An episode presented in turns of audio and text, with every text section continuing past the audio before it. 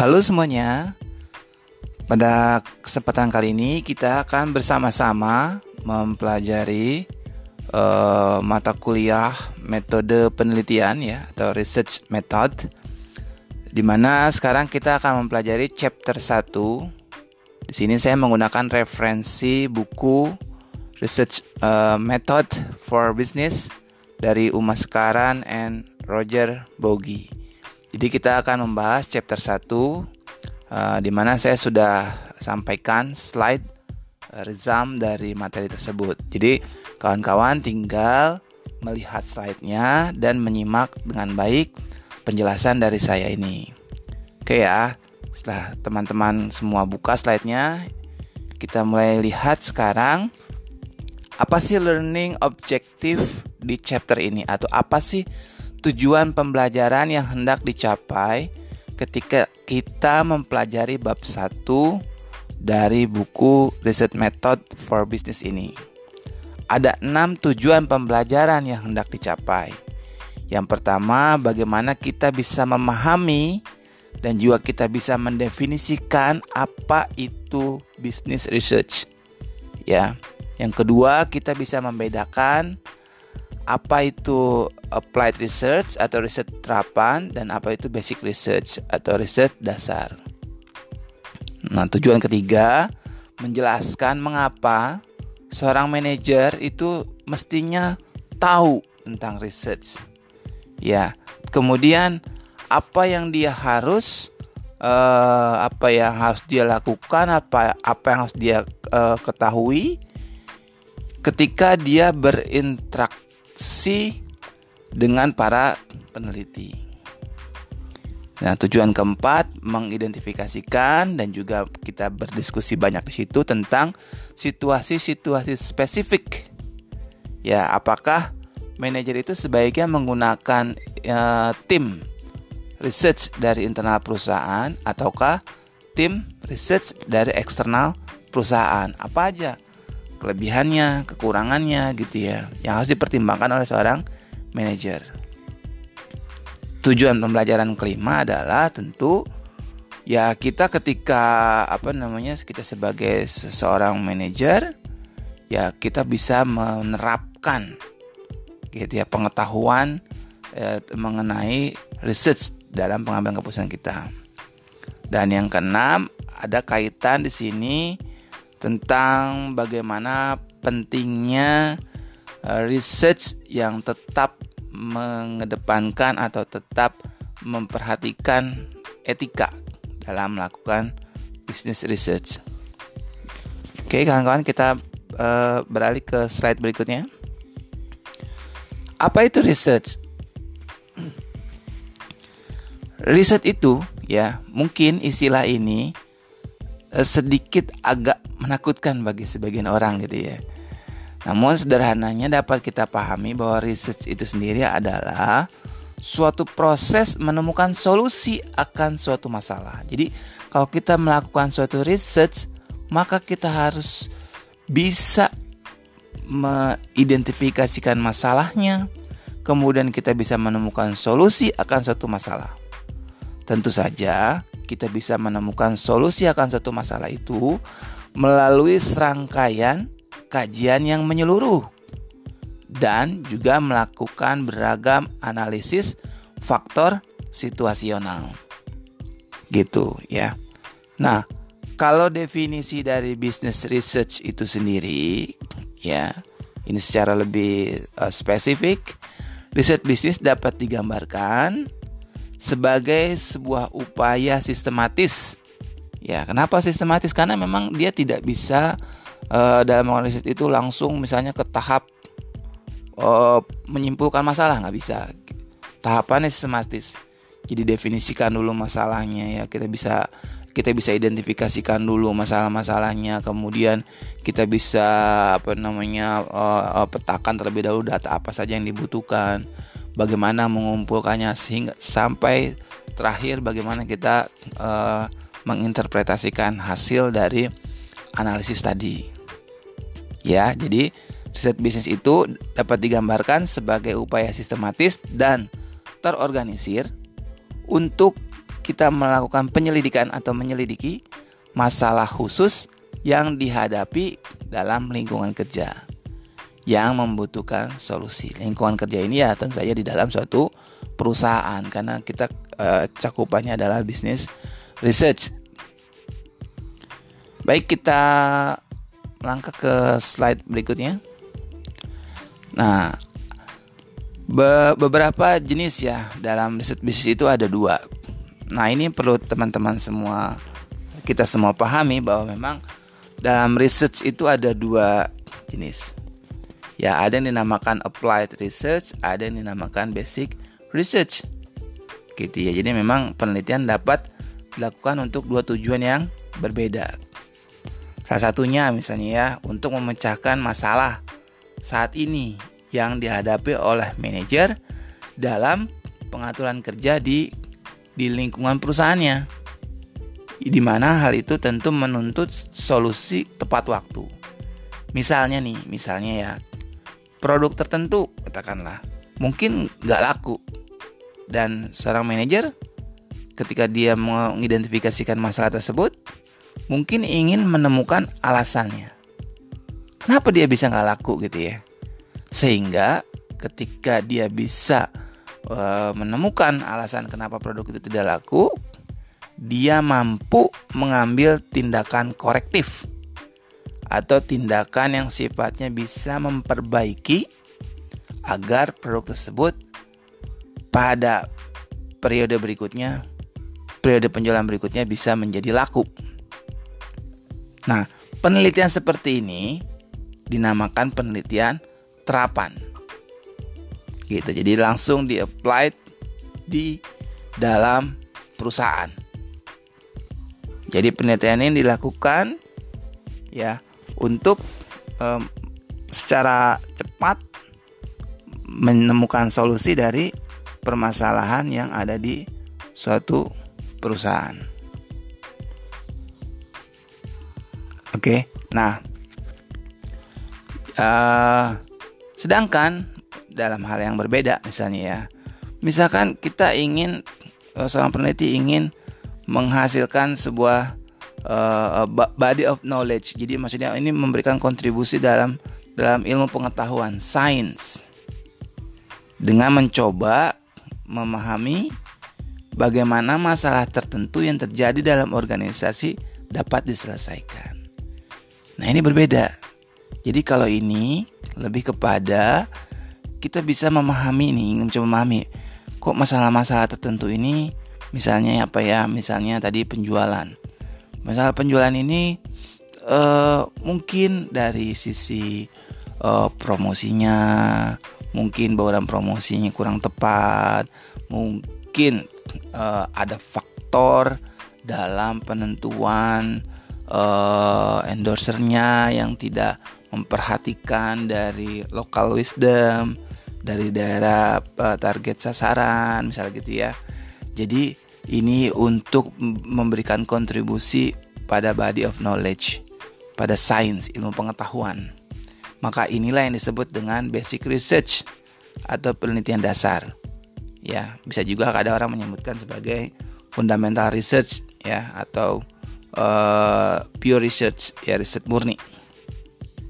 Ya, jadi memang ini dua tujuan yang berbeda. Kalau tujuan yang pertama tadi langsung oh ini produk yang nggak laku oke mungkin uh, kurang ininya apa kurang disukai rasanya langsung lakukan inovasi rasa langsung jual lagi nah itu langsung harapannya langsung saat itu juga secepat mungkin uh, apa namanya produk tersebut yang tidak laku tadi menjadi laku sedangkan kalau untuk yang basic research lebih kepada oke okay, ini faktor apa nih yang menyebabkan uh, produk ini suatu uh, suatu perusahaan uh, produknya tidak laku.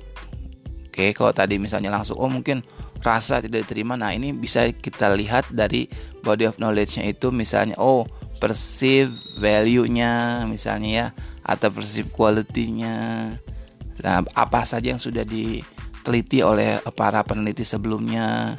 Apa sumbangsi yang bisa kita berikan untuk uh, pengetahuan gitu ya. Oke, kita lanjut ke slide berikutnya. Nah, why managers need to know about research?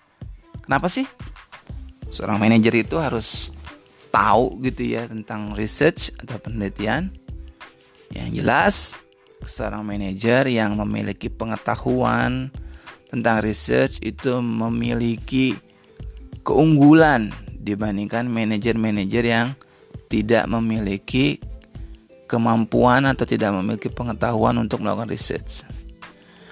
Manajer-manajer yang memiliki kemampuan research, maka dia akan terasah intuisinya, mampu mengenali gejala atau simptom yang ada dalam perusahaannya, mampu secara kritis mengidentifikasi beragam permasalahan, mampu menyusun langkah-langkah yang lebih sistematis gitu ya.